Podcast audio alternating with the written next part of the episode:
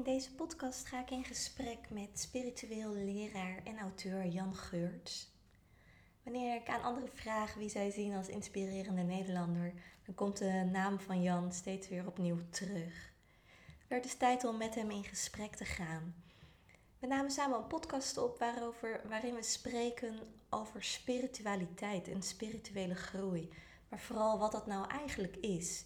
Tegenwoordig staan de bladen er vol mee, in podcasts wordt erover gesproken, er zijn talloze blogs over te vinden. Maar wat is dat nou eigenlijk?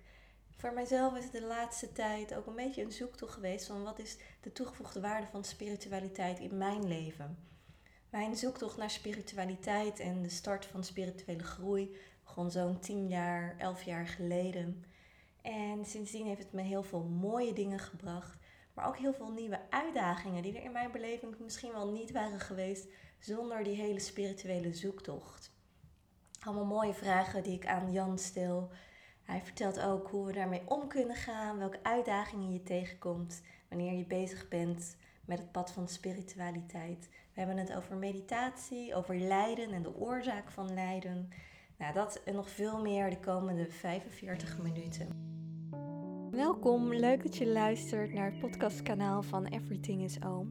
Mijn naam is Sabrina Souban en in deze podcast ga ik in gesprek met inspirerende Nederlanders. Mensen die iets doen of die iets hebben meegemaakt waar wij met z'n allen nog een heleboel van kunnen leren. Mensen die de wereld een beetje mooier maken door wie ze zijn of door wat ze doen.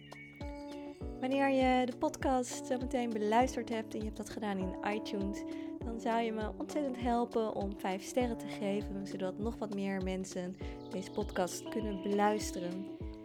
Elke twee weken komt er een nieuwe aflevering online. Dus wil je geen enkele aflevering missen, abonneer je dan vooral op dit kanaal Everything is Oom. Voor nu wens ik je heel veel luisterplezier toe. Dankjewel dat ik hier mocht zijn, Jan. Welkom. Dankjewel. Nou, laat ik hem direct maar erin knallen. Een vriendin van mij vroeg van, Hé, waar ga je het dan over hebben? En toen vertelde ik iets over spirituele groei. En toen zei ze, wat is dat in vredesnaam, spirituele groei? Ja, ja, dat is een mooie vraag, ja. Ja. Ja, wat is spirituele groei? Ik, uh, ik heb er wel een uh, soort definitietje van. Ik denk dat, uh, dat spiritualiteit is, is alle kennis en alle methoden die erop gericht zijn om de werkelijkheid te leren zien zoals die werkelijk is. Dus die definitie suggereert al dat we doorgaans de werkelijkheid niet waarnemen zoals die werkelijk is. Mhm. We hebben een soort um, vertekend beeld van de werkelijkheid. En door die, door die onjuiste waarneming van de werkelijkheid ontstaat een heleboel narigheid. Lijden noemen de boeddhisten dat, hè? Ja. En, en dus de spiritualiteit is erop gericht om die onjuiste waarneming als het ware los te laten en een juiste waarneming te ontwikkelen. En spirituele groei is dus het proces waarin je dat, zeg maar, waarin dat resultaat heeft. Dus het proces, het proces is doen van de juiste beoefeningen en het tot je nemen van de juiste kennis. Mhm. En het resultaat is spirituele groei. Of het geleidelijk steeds beter leren zien hoe de werkelijkheid werkelijk in elkaar zit. In plaats van hoe je denkt dat die in elkaar zit. Wat zou je daar een voorbeeld van kunnen geven? Hè? Wat is bijvoorbeeld een onderwerp waarvan veel mensen denken van dit is hoe het is? Ja, nou ja, op een heel fundamenteel niveau denken de meeste mensen, en ik ook overigens, het grootste deel van de dag, dat ik echt besta en dat de werkelijkheid echt bestaat. En dat die twee van elkaar gescheiden zijn. Dus je, je, je ervaart jezelf als een werkelijk bestaand lichaam met een werkelijk bestaand levensverhaal en gedachten en gevoelens. Dat is dan het ego. En je beschouwt de werkelijkheid om je heen als objectief. Als werkelijk bestaand in de betekenis van het bestaat los van mijn waarneming ervan. En die scheiding heet dualisme. Mhm. Ja, de, dus de dualistische scheiding tussen het subject, dat is de ik die op deze stoel zit, en object, wereld, is allemaal alles wat ik om me heen zie. Die scheiding is er in werkelijkheid niet. Die scheiding die menen we waar te nemen, omdat we hem geleerd hebben waar te nemen. Dus die bevindt zich vooral in het denken.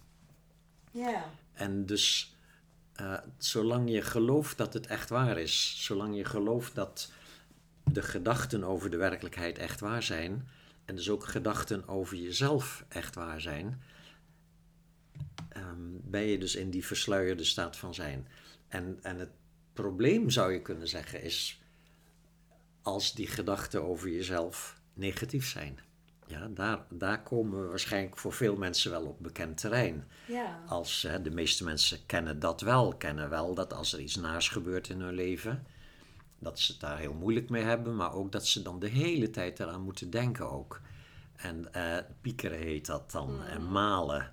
Ja, en, uh, en, en soms hebben mensen ook wel door, ook zonder spirituele kennis, dat dat, dat malen eigenlijk heel veel toevoegt aan je ellende. En je kunt soms wel eens het gevoel hebben van ik wou dat ik er even niet aan hoefde te denken. Mhm. Want eigenlijk, het is mooi weer en ik zit aan het bankje op het water, weet je wel. En een soort van, eigenlijk is hier niks aan de hand. Maar ik moet alsmaar denken aan mijn partner die op dit moment met iemand anders is. Of aan mijn baan die op de tocht staat. En oh, hoe kom ik aan genoeg geld eh, voor morgen en dat soort dingen.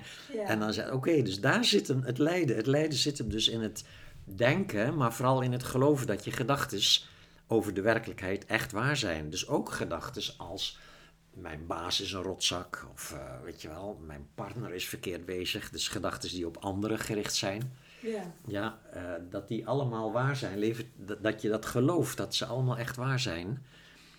En uh, ook gedachten over jezelf dan. Ik ben niet goed genoeg, ik hoor er niet bij, ik moet oppassen of anders word ik afgewezen, dat soort dingen. Ja, dat we geloven dat dat allemaal dat dat echt waar is. En, en allerlei opvattingen over jezelf. Van ik ben niet zo aantrekkelijk of ik ben niet zo om van te houden. Als je bijvoorbeeld een blauwtje gelopen hebt of zoiets. Mhm. Ja, dat soort dingen. Dus dat is denk ik de oorzaak van al het lijden. Geloof dat je gedachten over de werkelijkheid waar zijn. Ja. En, en die gedachten die zeggen in de eerste plaats: ik besta echt. De werkelijkheid bestaat echt. En die twee staan los van elkaar. Zijn niet verbonden met elkaar. Dus dat levert ook allerlei ellende op, zoals het eenzaamheid en gevoel van afgescheidenheid. En dat maakt weer dat we zo verlangen naar verbondenheid met, met iemand. Ja? En dat we graag altijd op zoek gaan naar die ene grote liefde in ons leven die er dan altijd voor je is en je nooit in de steek zal laten. Mhm. Ja, dat soort dingen. En dat levert dan weer een hoop relatie-ellende op, hè? als je die Ja. gedachten gelooft. Als je gelooft dat er zo iemand is die eh, alleen maar bestaat om jou gelukkig te maken en weet je wel, en jou nooit zal verlaten en zo. Zo iemand bestaat niet. En dus een, eh, Dat is jammer. ja, heel, heel aan de zekere zin een beetje jammer. Ja. Je- je- eh, ik kan het beter anders zeggen, zo iemand bestaat wel, maar dat bij jezelf. Als je dat ontdekt in jezelf, als dat, dat er inderdaad in jouzelf iets is wat onvoorwaardelijk kan liefhebben. En vooral wat onvoorwaardelijk ook jezelf kan liefhebben.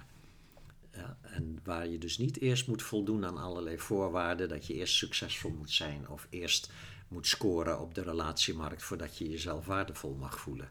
Die waardevolheid die herken je dan als inherent aanwezig al. Dat ge- geeft een hoop ontspanning. Dan kan je nog steeds plezier hebben aan een relatie en aan een goede baan en aan geld. Dat mag allemaal nog wel. Mhm. Maar je bent niet meer zo verschrikkelijk wanhopig als, als je het kwijtraakt of als je er nog naar op zoek bent. Heb je dan nog wel liefdesverdriet? Ja, dat geloof ik wel, ja. Maar je kan tegelijkertijd dat verdriet hebben zonder dat je gelooft dat al die gedachten die je er doorgaans bij krijgt, van ik ben mislukt, dit is mijn eigen stomme schuld, of de ander is hier fout bezig en die is zeg maar de schuldige, die geloof je niet meer. Die gedachten die hebben niet zo'n impact meer. Dus verdriet is eigenlijk een heel prettige emotie als je hem niet meer beschouwt als een bewijs van je eigen mislukking, maar als een bewijs van je eigen zachtheid.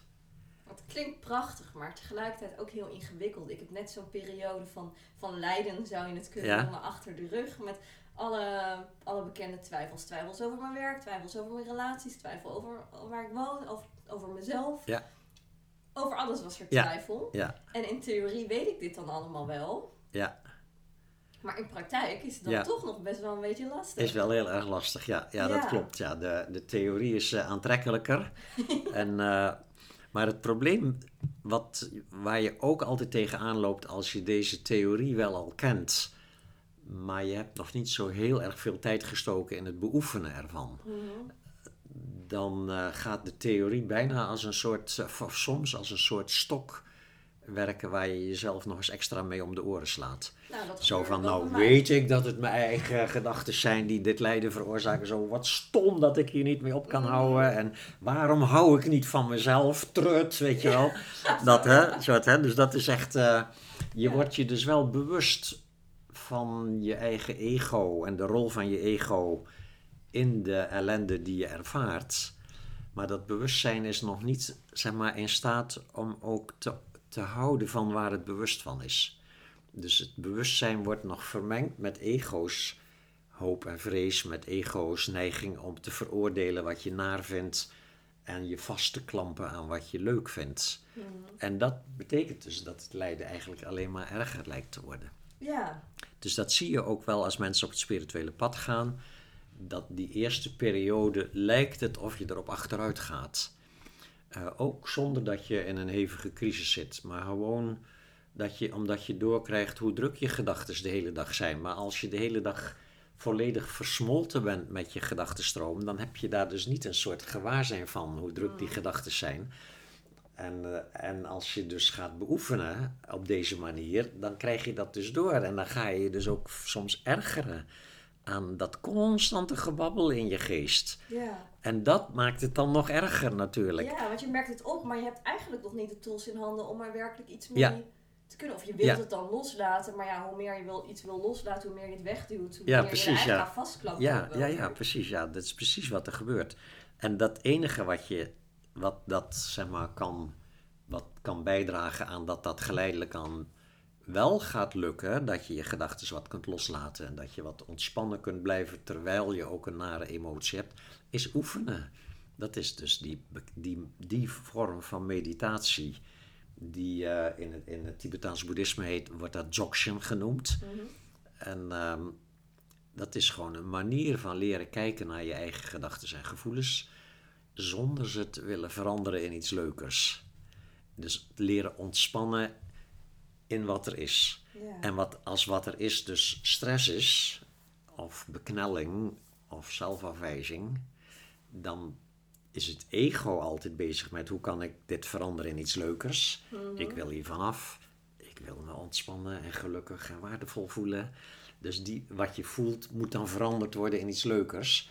En dat levert extra stress op. Ja. Maar deze manier van mediteren leert jou om als je dus in de stress zit of in de zelfafwijzing, om daarin te ontspannen. Dus niet stress veranderen in ontspanning, maar ontspannen in de stress. Het mag. Laat maar even, weet je wel. Ehm, kijk gewoon.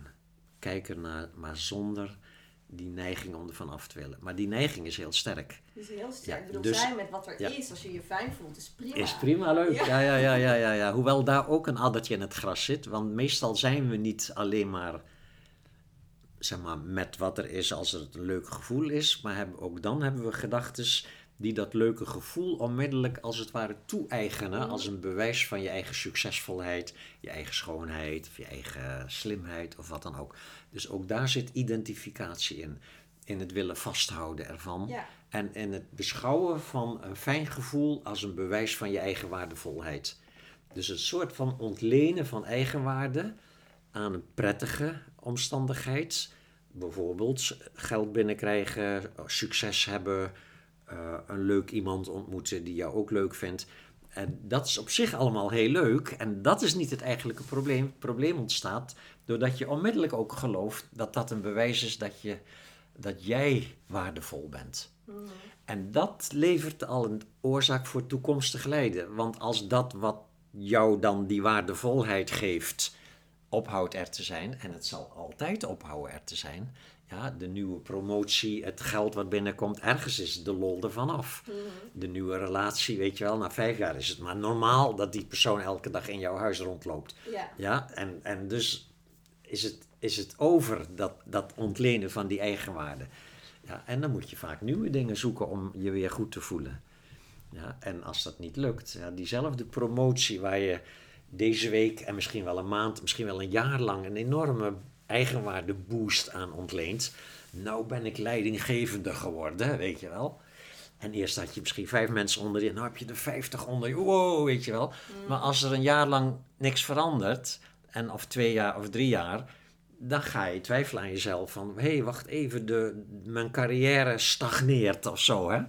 En dan heb je geen plezier meer erin. En dan, en dan begin je te twijfelen aan jezelf en dan probeer je te carrière te maken en promotie te maken en dat lukt niet. En je superieuren zie je niet meer staan of wat dan ook. Afijn, dus het, het, al die tijd is zeg maar, ook leuke gebeurtenissen dragen bij aan lijden, maar dan in de toekomst, door identificatie ermee.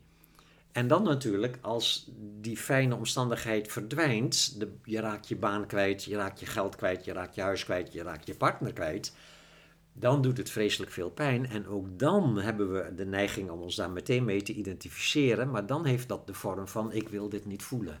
Dit is stom. En dan beschouw je het dus als een bewijs van je eigen mislukking, van je falen, van ik ben niet mooi genoeg, niet slim genoeg, niet aantrekkelijk genoeg, niet om van te houden, want ja, mijn partner is weg, mijn mhm. baan is kwijt, weet je wel, mijn geld is op, wat dan ook. Dus ook dan, dus, dus zeg maar, gevoelens en omstandigheden die gevoelens opwekken, beschouwen als een bewijs van je eigen waardevolheid of je eigen mislukking. Dat is identificatie.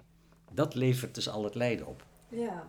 Dus, dus dat is ook het enige wat je, kunt, wat je moet loslaten niet dat je zou moeten ophouden met een leuke relatie te hebben of, een, of geld te verdienen of een leuk huis te hebben of wat dan ook. Dat mag best. Maar in plaats van het te beschouwen als een bewijs van je eigen waardevolheid, zou je het kunnen beschouwen als een geschenk van het universum. Wat leuk dat mij dit te beurt valt. Mhm. Weet je wel, het heeft niks te maken met mijn waardevolheid, want dat ben ik sowieso. Dus je maakt contact met je inherente waardevolheid dat iemand jou dan aardig vindt. Je ego vindt dat leuk, maar jij bent je ego niet. Mhm. Ja, dus je kunt genieten van het, dat dat leuk is, maar je hebt meteen ook zeg maar, door dat dat niet is wie je werkelijk bent. En wie je werkelijk bent, is gewoon open, ruim, liefdevol gewaarzijn. En wat is het geheim daarvoor? ik ben een millennial en millennials willen alles snel en makkelijk. Ja, snel. Ja. ja. Dan moet ik je teleurstellen. Dit is, een, uh, dit is een levenslang project. Ja, dit is niet even iets van we gaan even een jaar keihard er tegenaan en dan heb ik het. Ja. Nee, dit is een uh, levenslang project. Maar het mooie is nu wel dat het, dat het, wat ik net al zei in het begin, is het het moeilijkste deel. Je hebt een drempel, inderdaad. En uh, je moet als het ware die drempel doorzien te komen op met, met inspiratie. Dus dat je ook boeken blijft lezen en mm. filmpjes blijft kijken van spirituele leraren die jou aanspreken. En, maar vooral beoefenen. Elke dag, een paar keer per dag. Niet per se lang, maar wel vaak. Dus mijn advies aan beginnende uh, mensen is altijd probeer drie of vier keer per dag vijf minuten te gaan zitten met jezelf. En dan gewoon maar even zitten op een rustige plek, radio uit, tv uit, telefoon uit, uh, rechtop zitten en dan maar gewoon contact maken met wat je op dit moment ervaart. Dus wat ervaar je om je heen? Wat ervaar je van binnen? Welke gedachten komen erop over wat je ervaart? Dat is allemaal oké, niks aan veranderen. En, en, en, en dat moet je dan in het begin niet te lang doen, want hoe, als je het te lang doet, dan wordt het een worsteling. Ga je je al vreselijk vervelen en ergeren. Een beetje worsteling is oké, want het is ook een training. Maar het mag niet, uh, meteen, niet meteen een uur gaan zitten, want dan ben je meestal, nou wel, misschien al 50 minuten alleen maar jezelf heel naar aan het voelen. Ja. En dan krijg je gewoon aversie ervoor en dan binnen no time hou je ermee op en dan eh, heb je er niks aan. Dus dat is uh, oefenen, oefenen, oefenen. En dan na een tijdje begin je het door te krijgen.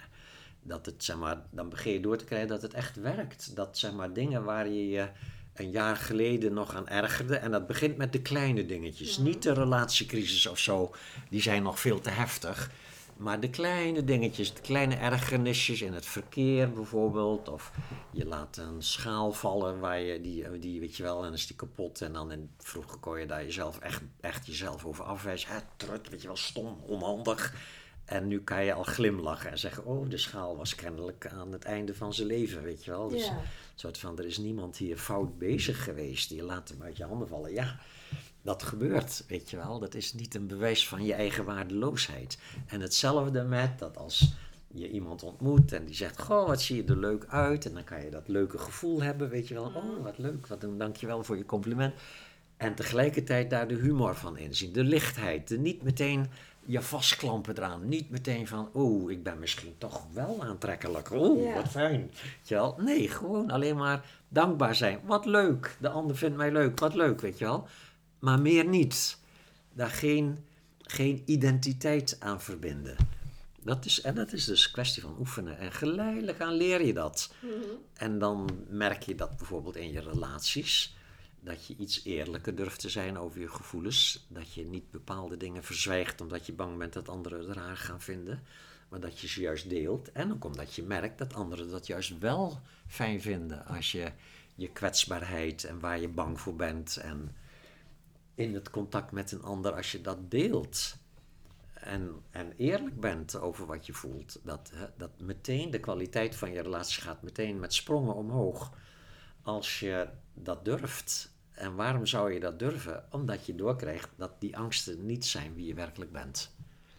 Het aangeleerde zelfbeeld is bang om door de man te vallen, is bang om raar gevonden te worden en wil zich graag sterk voordoen, een, een man of vrouw van de wereld, alles onder controle, succesvol, weet je wel. Jezelf neerzetten, je mission statement kennen, weet je wel. Enfin, je kent het jargon wel van tegenwoordig, ja en, en, en je project ervan maken en dat soort dingen. Ja, dat is allemaal ego. Is niet verkeerd ook. Let op, want anders dan denk je dat, uh, oh, mag je dan helemaal niks meer doen? Nee, natuurlijk. Laat dat ego gerust zichzelf neerzetten in de wereld en leuke dingen doen en geld verdienen en succesvol nastreven. Als je tegelijkertijd doorhebt dat dat niet is wie je werkelijk bent en dat het allemaal spel is. En je kan dit jaar succesvol zijn en volgend jaar ben je doodziek. En het jaar erop heb je een gelukkige relatie. En een jaar later is je partner er vandoor met een ander. En dat is allemaal, het hoort er allemaal bij. En niets is een bewijs van jouw waardevolheid of waardeloosheid, want die is gewoon stabiel. Waardevolheid is er al.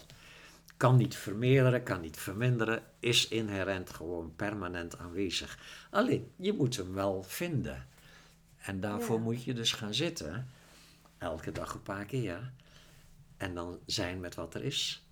En dan in het begin gewoon iedere keer afdwalen met je gedachten. Wat zit ik hier godsnaam mijn tijd te verspillen? Ik heb nog zoveel werk, weet je wel, dat soort dingen. En dan ook daarna kijken en zeggen, geeft niks, mag best. Laat mij maar me ergeren aan mijn eigen gedachten. Ja, ja dat, hè, dat geeft niks, mag best. Laat maar even jezelf met rust laten. Ook vooral als je het niet gemakkelijk hebt. Ja, en je noemt nu een paar keer hè, die waardevolheid. Ja. Is dat ook iets wat jij zelf echt helemaal ten volste ervaart? Af en toe. Af en toe. Ja, ja, je kan het ook kwijt zijn weer. Hm. Ja, dus, ik neem aan dat als je maar lang genoeg blijft oefenen, dat je ooit misschien wel permanent daarin verblijft. Dat zou dan verlichting zijn in de traditionele betekenis. Um, ik weet dat niet, eerlijk gezegd. Niet uit eigen ervaring. Het wordt in alle spirituele tradities wel genoemd dat er ergens een soort van dat, zeg maar, dat gewaarzijn van wie je werkelijk bent, dat dat in het begin zijn dat maar hele korte momenten, dat je daar soms even contact mee krijgt op een moment dat het je werkelijk lukt om te ontspannen in wat er is. En eventjes niet bezig bent met iets anders te willen ervaren dan je nu ervaart en zelfs even niet bezig bent met gedachten, maar gewoon zijn, dan kun je soms eventjes dat ervaren. En dan een paar tellen later uh, is er weer een gedachte. Vaak is er dan een gedachte. Oh, dit is hem. Oh, nou heb ik het. Ja, nou. dat is het ego. Het ego denkt, dit is hem. Ik heb hem. Nou ben ik er, weet je wel. En natuurlijk, een uur later zit je weer te worstelen en te piekeren. Ja. ja. En dat geleidelijk aan, geleidelijk aan worden die momentjes van eerst heb je dat misschien eens in een paar maanden, maar dat je even echt ontspannen bent. En dan neemt dat geleidelijk aan toe en dan kun je het elke dag een aantal keren ervaren. En dan, maar ook als er dan op je knoppen gedrukt wordt, uh, als, het een nare, als het een heftige knop is, dan ga je daar ook inderdaad eerst weer helemaal in mee. Uh, in ieder geval ik wel. Ik kan dan even helemaal weer spoorbijster zijn en weer even helemaal in mijn ego zitten en even helemaal soort van bang zijn of, of geïrriteerd of boos of wat dan ook. En dan, ja, nu dan kan dat een paar minuten duren of een kwartier of zo hoog uit. Maar dan wordt er toch wel iets wakker in mij wat zegt, oh Jan, het is weer aan de gang. Je bent het weer aan het doen. En wat je aan het doen bent, is je verzetten tegen wat er gebeurt.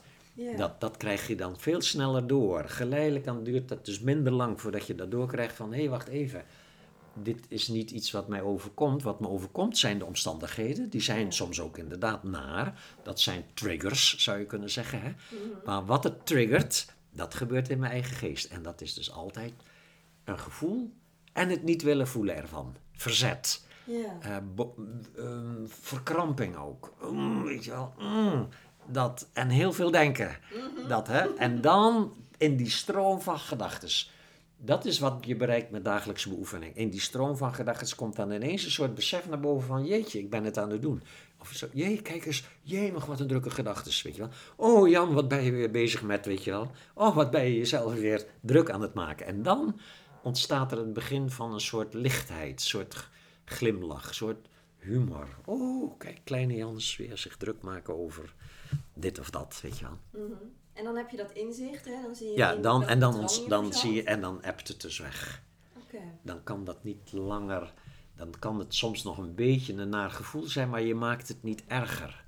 Dan, ja, dan, mug wordt geen olifant. Juist, ja. Dan de, je wordt gestoken en het is een mug, weet je wel. En dan mm. in plaats van, dat is een mooie uitdrukking eigenlijk, door je verzet maak je er een olifant van. Tegen de tijd dat het ongeveer de grootte van een kalf heeft, dan word je wakker, weet je wel. Zeg, oh mm. wacht even, ik ben het groter aan het maken. Uh, geeft niks, maar best, laat maar even. En dan ontspan je uh, in wat er op dat moment is. En dat is op dat moment nog een naar gevoel.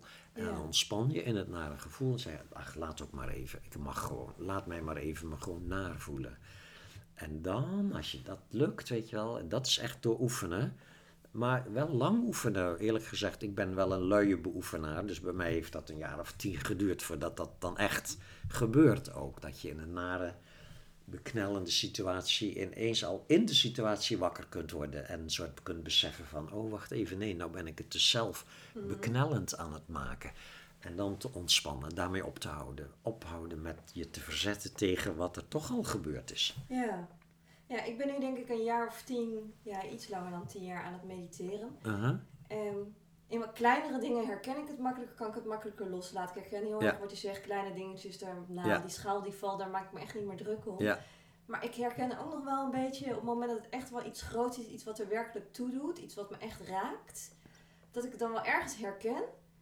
En dat ik denk, oh ja, ik verzand nu in een patroon, maar dat er ook iets in mij is en dat denkt, kan me helemaal niet schelen. En toch een soort van ja, slachtofferschap is ja, ja, ja, ja, ja, ja, ja, want dan is het gewoon aantrekkelijker om je bijvoorbeeld om te blijven oordelen over iemand anders. Of om gewoon pissig te zijn. Of, weet je wel, dat soort dingen.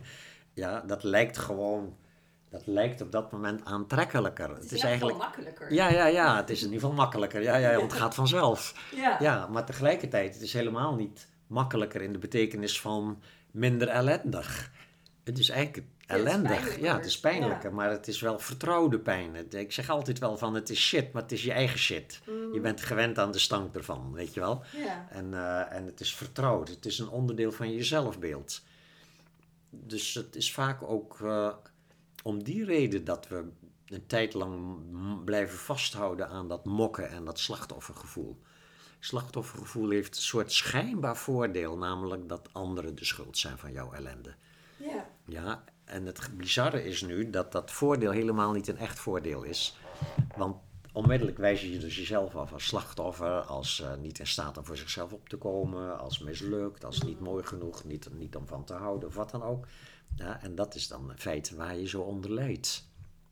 Ja, en jij zegt eigenlijk blijven beoefenen, want na verloop van tijd gaat ook dat makkelijker. Ja, geleidelijk aan. Ja, dat blijven oefenen, blijven oefenen en dan, en dan ja, dat natuurlijk... Uh, blijven oefenen ook met nare situaties. Soms moet je ze zelfs opzoeken. Hè? Tegenwoordig heet dat uit je comfortzone gaan. Mhm. Ja, dus, uh, dus dingen, dingen zeg maar, in zekere zin opzoeken waar, waar je echt geen zin in hebt. Wetende, en wetende dat je daar wel uh, achteraf je heel veel beter door gaat voelen. Dat is eigenlijk, uh, het is niet een soort masochisme van bijvoorbeeld dat je een familielid hebt en dat je iedere keer je kapot ergert aan die persoon en dat je toch iedere keer maar vindt dat je er weer heen moet omdat je anders wegloopt van je problemen of iets dergelijks. Nee, je mag best ook, als het te heftig is, kan je beter wel iets uit de weg gaan. Ja, Maar als je merkt dat je er wel mee kan dealen, dat, dat je dus wel bepaalde ongemak ervaart bij iemand of in een bepaalde situatie, maar dat je tegelijkertijd merkt dat je ermee kan dealen, dan ontleen je daar wel weer een soort autonomie aan, een soort eigenwaarde. Dus dat is eigenlijk, denk ik, hoe je dat gebruikt. Dat uit je comfortzone gaan, maar met mate. Ja. Weet je wel, niet, niet meteen het allerheftigste gaan opzoeken als je weet dat je dan gewoon volledig onderuit gaat en alleen maar, zeg maar aan het worstelen bent met je eigen gedachten en zo. Ja, ik omschrijf het in mijn trainingen wel als een soort stoplichtsysteem. Hè? Je groene zone is je comfortzone.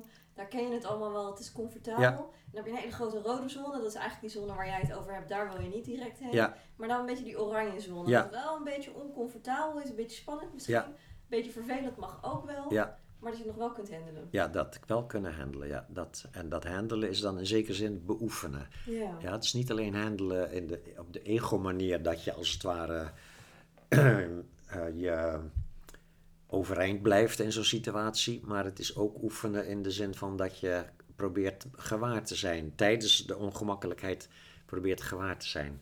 Dat is ook vaak wat je in, uh, in cursussen, in, hè, in mijn cursussen laat ik vaak mensen in tweetallen oefenen, waarbij de ene dingen moet vertellen en de ander moet proberen gewaar te blijven. Mm. Wat heel erg lastig is. bedoel, het is al lastig om in je eentje uh, zeg maar zonder radio, tv aan, om dan gewaar te blijven. Uh, en dan als iemand tegen je praat, is het nog moeilijker. Dus dat soort oefeningen, gewaar zijn terwijl de dingen gebeuren. Dat, dat is allemaal wat je kan oefenen. Dus oefenen, oefenen, oefenen is eigenlijk wel de essentie van het spirituele proces. Hoe lang geleden ben jij begonnen met oefenen? In, twee, in het jaar 2000. Ik ben in 1998 eh, in aanraking gekomen met spiritualiteit hè, in de vorm van Tibetaans boeddhisme. Mhm. De eerste twee jaar had ik dus pest aan mediteren.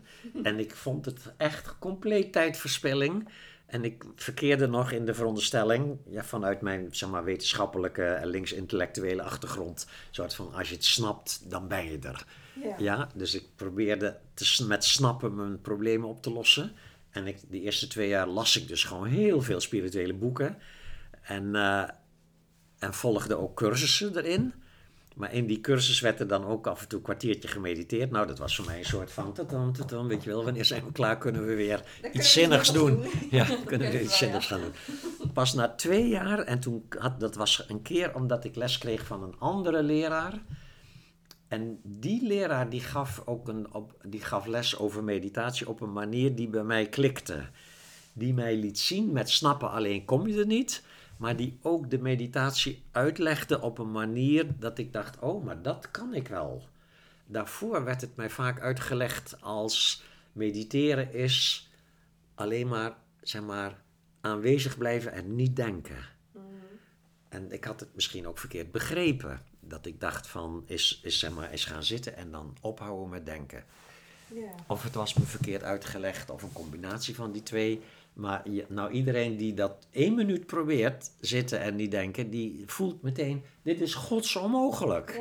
Dus waarom zou je dat dan proberen als iets gods onmogelijk is, weet je wel? Dus dan krijg je natuurlijk een soort redenering van, dus is het stom om te mediteren. Ja. ja? En uh, pas toen ik dat snapte van nee, wacht even, het is niet gaan zitten en niet denken, het is gaan zitten. Nou ja, wat ik net zei, gewoon proberen om gewaar te zijn. Maar telkens dwaal je af met je gedachten en dat is helemaal oké. En daar niet over oordelen, dat is wat je oefent. En telkens ben je even bewust van dat je aan het denken was. En even later ben je dus weer aan het denken en dan ben je weer niet bewust. En even later komt dat bewustzijn dan weer even op. Mm. Ben je even weer bewust van, oh, ik zat te denken. En even later zit je weer te denken. Dat proces van aanwezig zijn bij wat er is, afdwalen met je gedachten, dat doe je niet expres, dat afdwalen met je gedachten. Dat gaat vanzelf het lijkt een beetje op in slaap vallen. Ja? Dat doe je ook niet expres. Dat overkomt je. Je gaat s'nachts niet in bed liggen met een soort van... Oké, nou ga ik slapen. Boem, weet je wel. Mhm. Nee, je gaat liggen. Je doet je licht uit. Je maakt de, de omstandigheden gunstig. Zodat slaap kan gebeuren. Maar jij bent niet degene die, zeg maar, die actief iets doet in slaap vallen. Nee, het overkomt je. Nu, dat ga je dus ook herkennen als je aan het mediteren bent, dat jij niet degene bent die besluit om te gaan denken. die besluit om te gaan denken. Nee, je zit en zonder dat je er erg in hebt, ga je mee in een gedachtenstroom. En dat kan een halve minuut of een minuut duren, afhankelijk van hoe zuigend die gedachtenstroom is. Maar omdat je in de meditatiehouding zit, komt er zo'n moment dat je ineens een soort van oeps, oh jee, weet je wel, oh shit. Weet je wel, oh, weet je wel, ineens als het ware, alsof er iets wakker wordt. Ineens besef je dat je daarvoor aan het denken was. En natuurlijk, het ego heeft dan de neiging om zichzelf daarvoor te veroordelen, want je wou immers aanwezig blijven, sukkel die je bent, je bent weer afgedwaald. En dat moet je dus afleren. Mhm. Dus dat is eigenlijk wat je oefent in meditatie. Dat niet oordelen over het feit dat je telkens meegaat met je gedachten, maar wel beseffen dat er zoiets is als wakker worden uit die, zeg maar, droom van het denken. En dat is dus zomaar een heel kort moment, maar even ben je wakker. Even wordt er iets wakker van, oh ja, ik ben aan het mediteren. Even later ben je weer aan het denken. Dan even later, oh ja, ik ben er weer. Dat, dat, dat, dat moment van afdwalen en dan weer aanwezig zijn. Weer afdwalen, weer aanwezig zijn. En dat hele proces niet veroordelen. Niet, zeg maar, proberen vast te houden dat je aanwezig moet blijven. Mhm. En niet boos zijn omdat je telkens afdwaalt. Maar gewoon laten gebeuren. Zitten, aanwezig zijn, afdwalen, aanwezig zijn, afdwalen. Dat, dat is het proces. En dan geleidelijk aan. En niet omdat jij dat doet als een soort effect van jouw inspanning, maar als een soort spontane ontwikkeling, als een soort effect van jouw ontspanning, van je niet druk maken over die gedachten, ontstaat geleidelijk aan dus die steeds heldere, liefdevollere staat van zijn. En in Dzogchen gebruiken ze een prachtig voorbeeld van glasmodderig water. Je weet, als je dat lang genoeg laat staan, wordt het water vanzelf helder. Het modder zakt geleidelijk aan, maar het kan dagenlang duren voordat de modder naar onderen zakt en het water echt, echt helder wordt. Maar het gaat gebeuren, want helderheid is de essentie van water.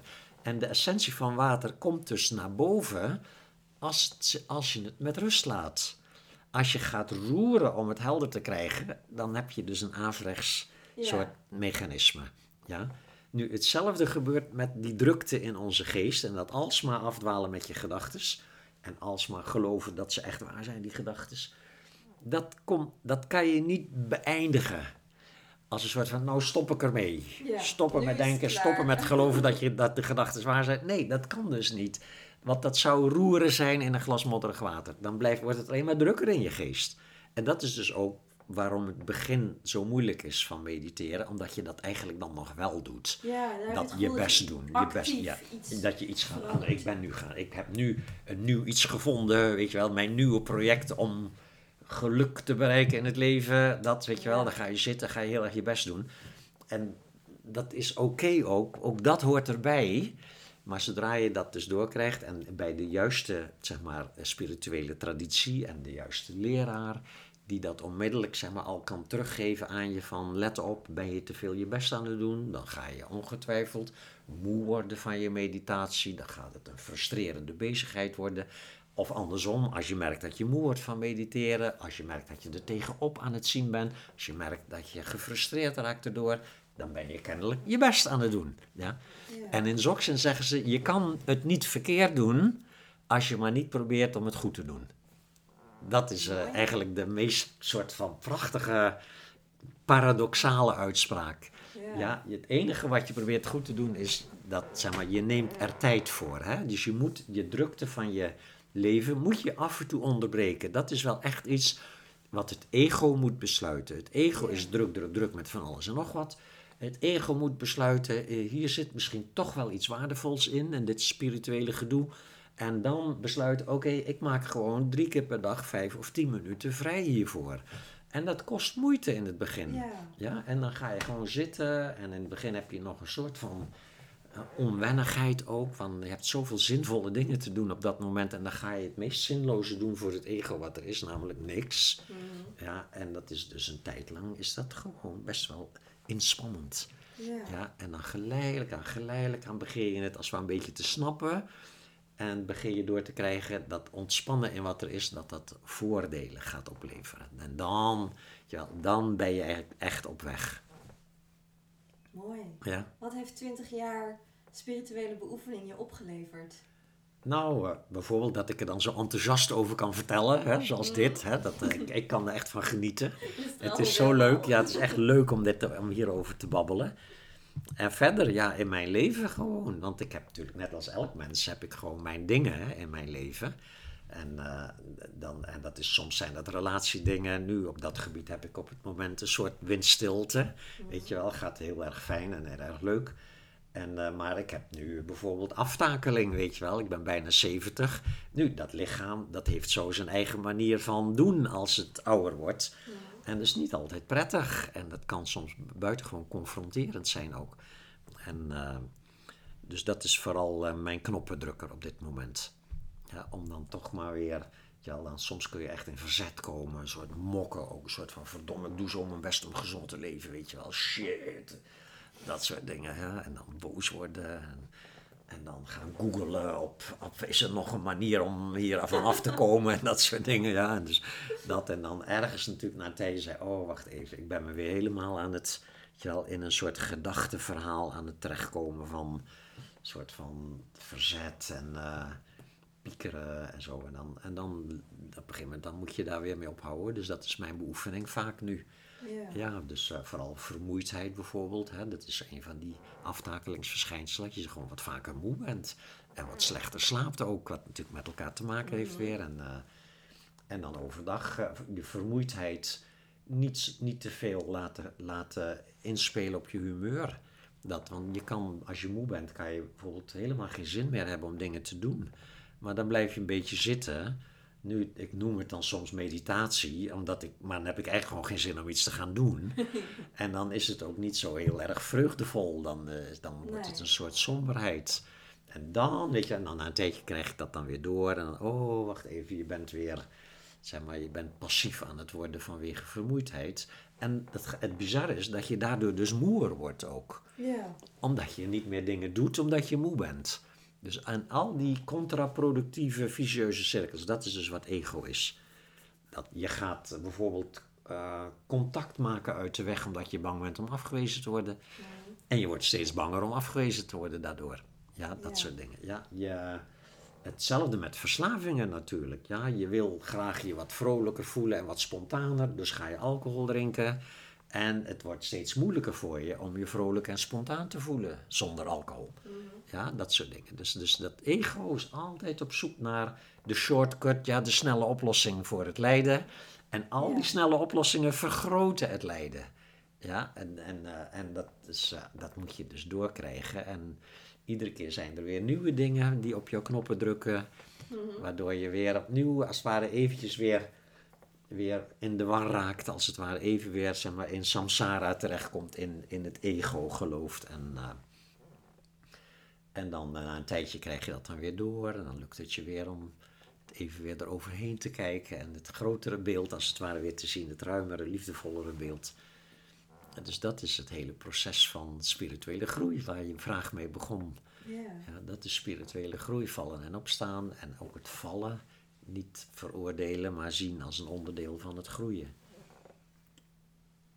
Best lastig soms. Ja, zeker Ja. ja. Maar niet lastiger dan zonder spirituele beoefening leven.